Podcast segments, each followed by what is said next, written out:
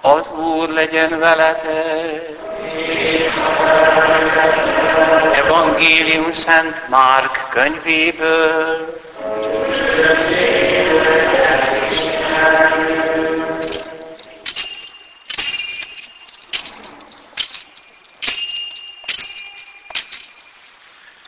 Abban az időben a lélek kivitte Jézust a pusztába. 40 napig kint volt a pusztába, és megkísértette a sátán. Vadállatokkal volt együtt, és angyalok szolgáltak néki.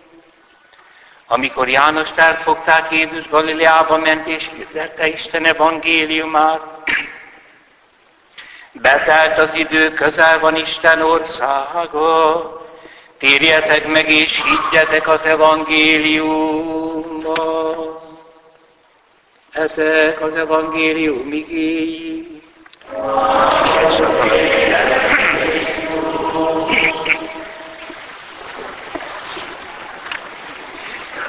Krisztusban, kedves testvéreim!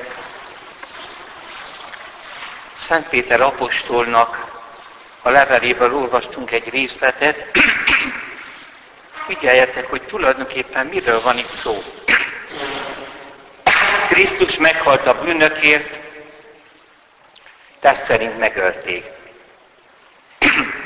Elment a börtönben sínlődőköz, leszállt az alvilágba, és föltámadt.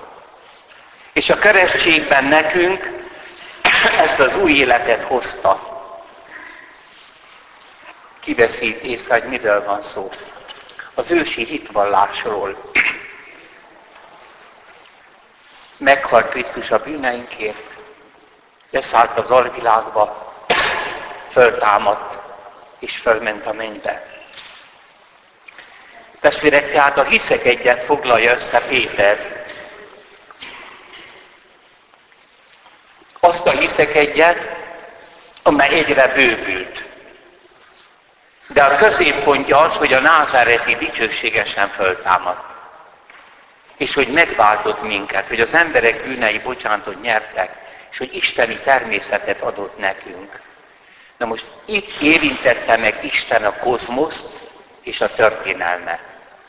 Innét folyik hátrafelé az időbe az isteni kegyelem, meg előre.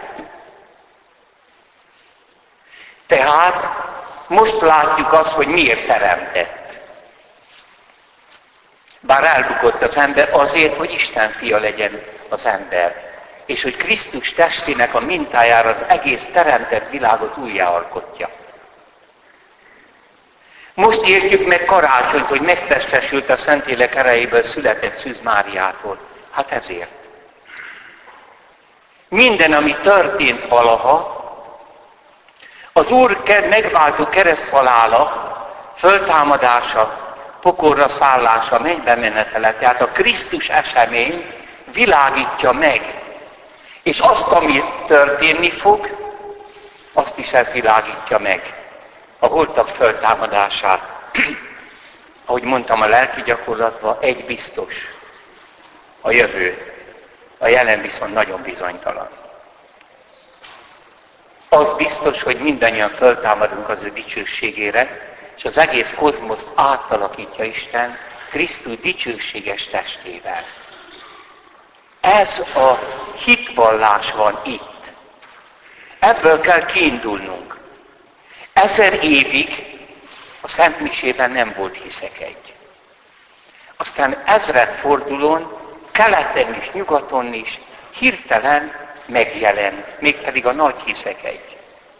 Miért? Testvérek, zseniális a szent hagyomány. Az, amiben nincs törés, amelyben egyszer csak a csírák elindulnak, és egy hatalmas fal lesz belőle. Hiába nem volt ezer évig, mégis abszolút benne volt. Tudnéli. A beavatás szentsége egy keresztség, ahol le kell tenni a hitvallást, firmállást, és az oltári szentség, az a csúcspontja. Úgy érezték az ezredfordulón, az első ezredfordulón, hogy amikor a pap befejezte a beszédjét, és kezdődik az áldozat, oda megyünk az oltárhoz, akkor fel kell szakítani bennünk a keresztség kegyelmét, meg kell újítani a hitünket, hogy ami az oltáron megy, azt értsük, amennyire lehet, és elfogadjuk. Tehát csak ennek az erőterében történik mindez.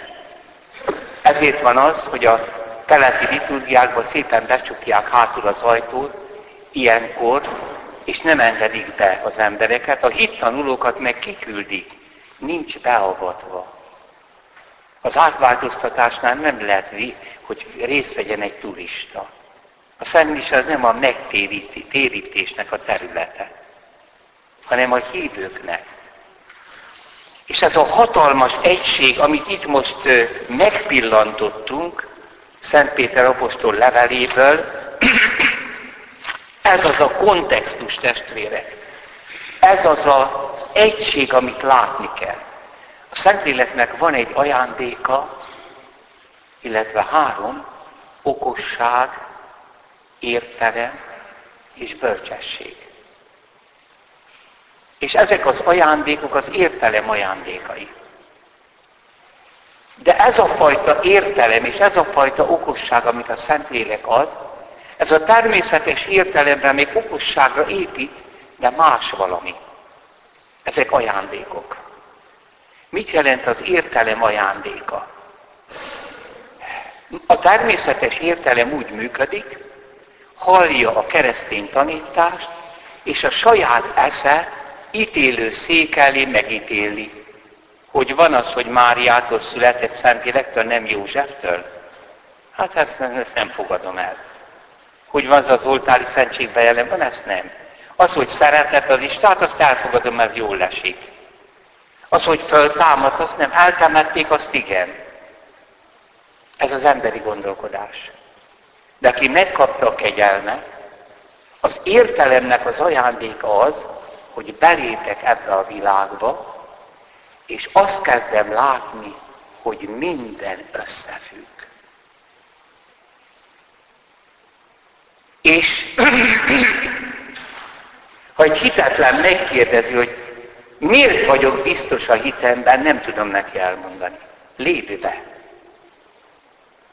A kinti világgal mindig csak úgy tudunk beszélni, hogy az ő szintjén érvelünk. De amíg be nem léptem ebbe a kapcsolatba Krisztussal, addig nincs meg ez az ér. Tessék becsukni az ajtót, jön a hideg. Kérem szépen. Tehát amíg nem lépünk be ebbe a világba, és testvérek, ez az, ami bennetek is és bennem is van, ez az együttlátás. Például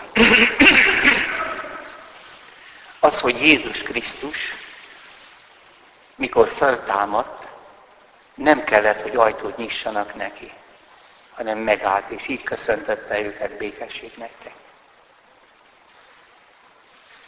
Tehát ugyanígy, amikor megjelent a Földön, akkor a szűzanya méhe, a zárt szűzi méh nem nyílt meg, megjelent ott. Ugyanígy a kenyér és a bor nem akadálya a föltámadt testnek. Minden összefügg. Aztán a megtestesülés a karácsony, a teremtésben. Hát nem úgy volt az, hogy Isten teremtett egy világot, elindult az ember, elszakadt tőle, nagy bűnt követett el, és most elgondolta, hogy elküldöm a Szent Fiamat, hogy segítsen rajtuk. Nem igaz. Mindenek előtt volt a karácsony. Mert benne teremtett mindent. A megtestesülés Isten első gondolata a világról. Hát nem ezt olvassuk az Efezusi levélben? Áldott legyen Isten Urunk Jézus Krisztus Atya, aki Krisztusban minden lelki áldással megáldott minket fönn a mennybe. Mert benne választott ki minket a világ teremtése előtt. Tehát, amikor azt mondta Isten, teremtsünk ember képünkre, hasonlatosságunkra, akkor nem mi ránk gondolt, hanem a názáreti Jézusra. És csak benne vagyunk mi megkonstruálva. Mert ő az Isten ember, ő benne Isten és ember találkozik. És ebben a kapcsolatban teremtett minket. Tehát a karácsony és a teremtés. A föltámadás és a teremtés. Hogy az atomoknak, a szubatomális részeknek is lesz egy új állapota. Jézus dicsőséges teste. Testvérek, minden összefügg. Hihetetlen élmény. Abszolút világosság. Nem tudjuk megosztani a nem hívővel. Ezt nem. Csak ezt kell írni és szeretni őket. Vagy ha olvasjuk a kolosszai levelet, Krisztusban, tehát a názáreti Jézusban 33 évet élni zsidó férfiben, terem, nyertük el a megváltást, ő benne teremtett mindent a mennyben és a földön. Ez a Szent Ferenci látásmód. Tehát Krisztusban áll fönn a nap és a hold, a tejút rendszerek, nincs értelme. Mert csak az embernek van értelme a világ mindenségben. De ha az ember Istenhez nem kapcsolódik, akkor neki nincs értelme. És Jézus Krisztus az, aki a mi természetünket fölvette, tehát valóságos ember, ugyanakkor valóságos Isten, összekapcsolja az egész teremtést önmagában Istennel, és erre hív meg minket. Amikor ezt látja az ember, akkor olyan bizonyosságban él, olyan evidenciában, hogy alig várom a vasárnapot, hogy megosszam veletek. Mert ti is ebben éltek. Csak sokakban nem tudatosul. Azokkal a hívőkkel, akik bizonyos globalizáció ideológiákat elfogadnak, akik már meg vannak mérgezve, akik vitatják Jézus szavait, akik a miséből cirkus csinálnak, azok ezt nem látják. Elveszítették a Szentlélek ajándékát, az értelem ajándékát.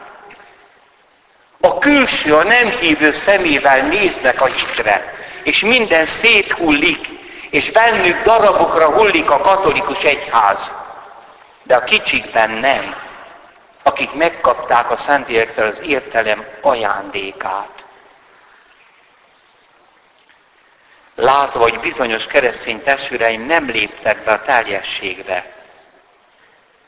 Vagy elherdálták ezt az ajándékot. Nem művelték ezt a Szentélektől megvilágított értelmi, értelmi működést. Ez a szemlélődés, testvérek. Ha egy keresztény nem szemlélődő, akkor nem hívő. Ezt együtt kell látni minden nap. Akkor amikor matematika dolgozatot javított ki, mint tanárnő, akkor is, amikor pelenkázod az unokádat. Valahogy ez. Egyébként mindenkinek van ilyen látása. Ha ez nincsen, akkor a semmi van. Mindent a semmiben lát, az értelmetlenségben. Tehát nincs kiút. Mindenkinek van egységes világnézete, a másiknak az a világnézete, hogy nincs értelme. Csak erőködik a kisebb értelmeket keresve. És amikor vitatkozni kell olyan katolikus, református, evangélikus testvéreimmel, akik ezt nem látják együtt, akik mindent külön piszkálgatnak meg, celibátus, bocsánat, Jézus rendelt el. Azt mondta az apostoloknak, van, aki lemond róla. Tehát nem abba gondolkodott, hogy eleve nem nősül meg, hanem ti, akinek itt van felesége, lemondtok róla a feleségnek a beleegyezésével.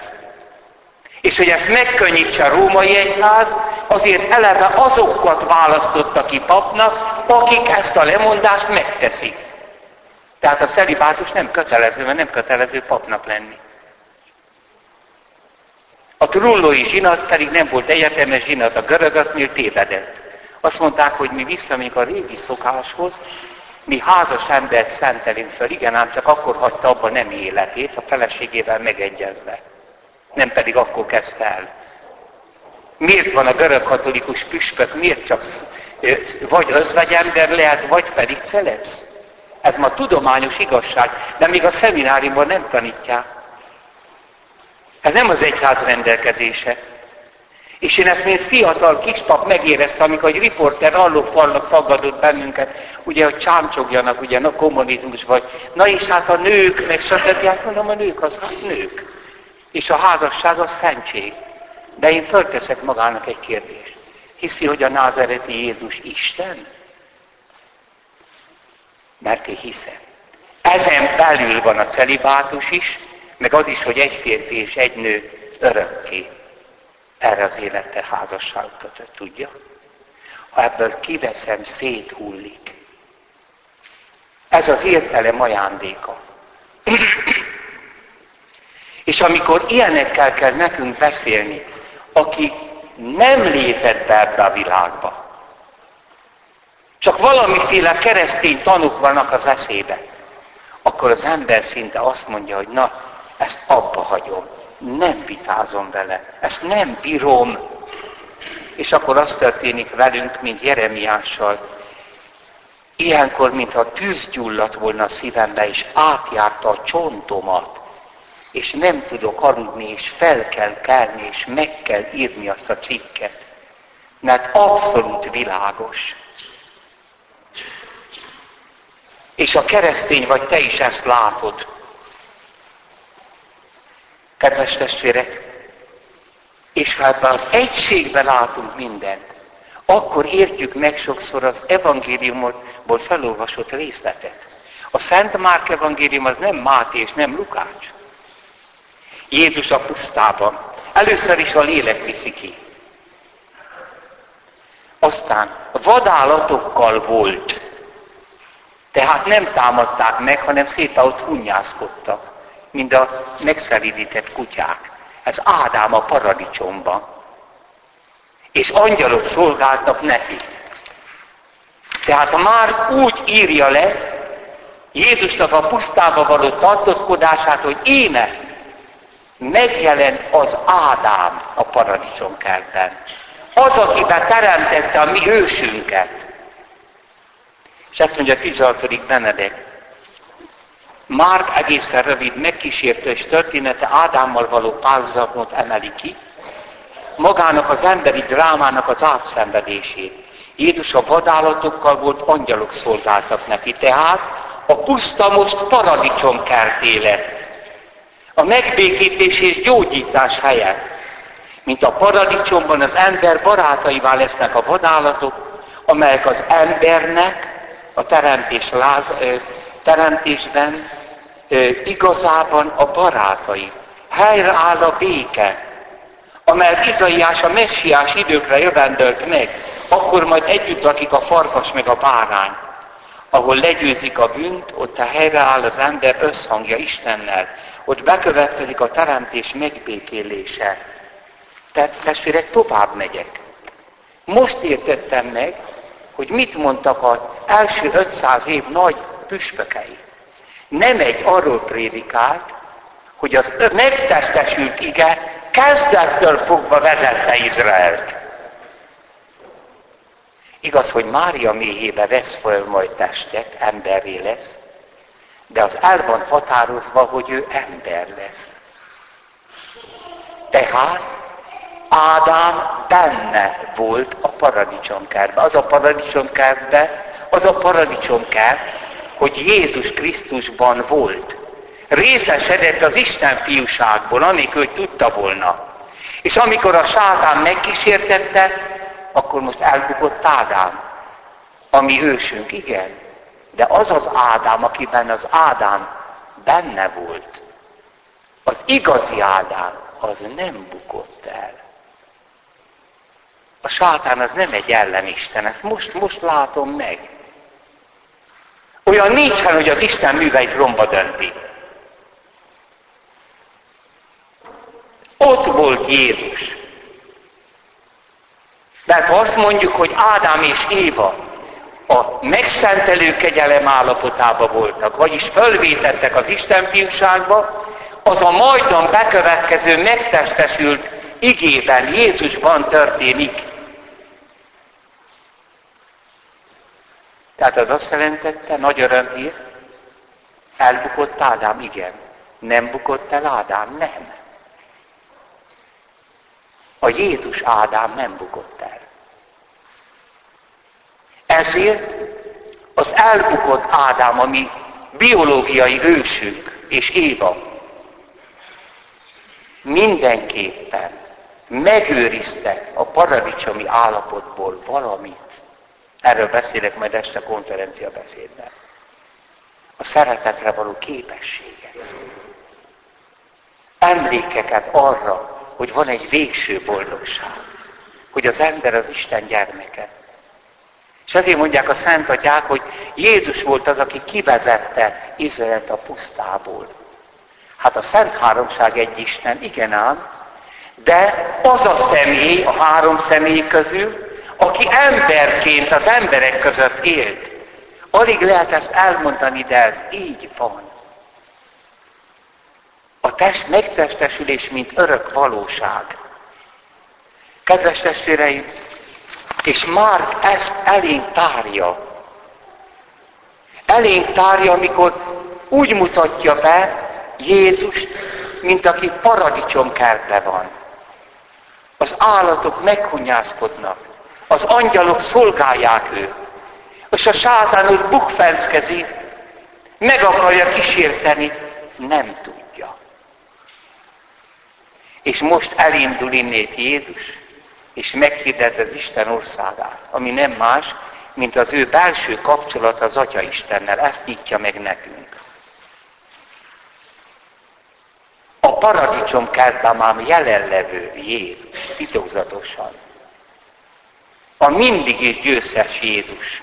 Most a történelemben, az ő valóságos emberi testében is kinyilvánul ez az ősi győzelem és meghirdeti a bukott testvéreinek az örömhírt, hogy beléphettek általa az Atya Istennel való kapcsolatba. És ez a mise, amikor áldozunk. És az első olvasmányra gondolunk, Noéval szövetséget kötött az Isten. Noé nem kérte rá, sok szövetség volt, nem csak egy ószövetség. Hát Ábrahámmal is szövetséget kötött. Noé, de korábban még Noéval, tehát a pogánsággal is próbálkozott. Mózessel is, de mindig megszedte az emberi partner. És mit fogunk a misében mondani? Ez az új szövetség az én véremben. Új és örök. Miért örök ez a szövetség? Mert a szövetség Isten és ember közötti létegység. Az emberi partner mindig elbukott. De most az Isten fia belebújik az emberbe rosszul, emberré lesz. És az atyával megköti vérében a szövetséget. Ez ezért nem bomolhat fel. Mert ez Isten és Isten közötti szövetség. Az ember élet Isten, és az Atya között a lélekben. És mi ebben a szövetségbe léptünk be. Testvérei, táplázatos világ. Minden együtt van. És minden ragyog. És valahogy aztán így kell majd indulnunk Szent Mise után. Bármi történik az életünkben, az mind ebbe van bepakolva. Nem pedig azok a kis események, meg nagy események, fájdalmak, tragédiák, azok külön nincsenek. Ez az új és örök szövetségben van. Sőt, a teremtés már egy szövetség, mert az emberért teremtetett. Ez a szövetség az, amely föntartja a világot. Ez az, amit minden ateista is, nem keresztény is valahogy érez. Valami fény behatol hozzá. De aztán az események elfedik. Mi nekünk az a feladatunk, hogy bármi történik velünk, az belegyúrjuk ebbe a valóságba, mert ebben van. Nem engedjük, hogy kilógjon belőle, mert nem is lóg ki. A haldoklásunk sem, az is ebben van. Ebben lesz. Amen. Hiszek az egy Istenben, minden atyában, mennek és földnek, minden láthatónak és láthatatlannak teremtőjében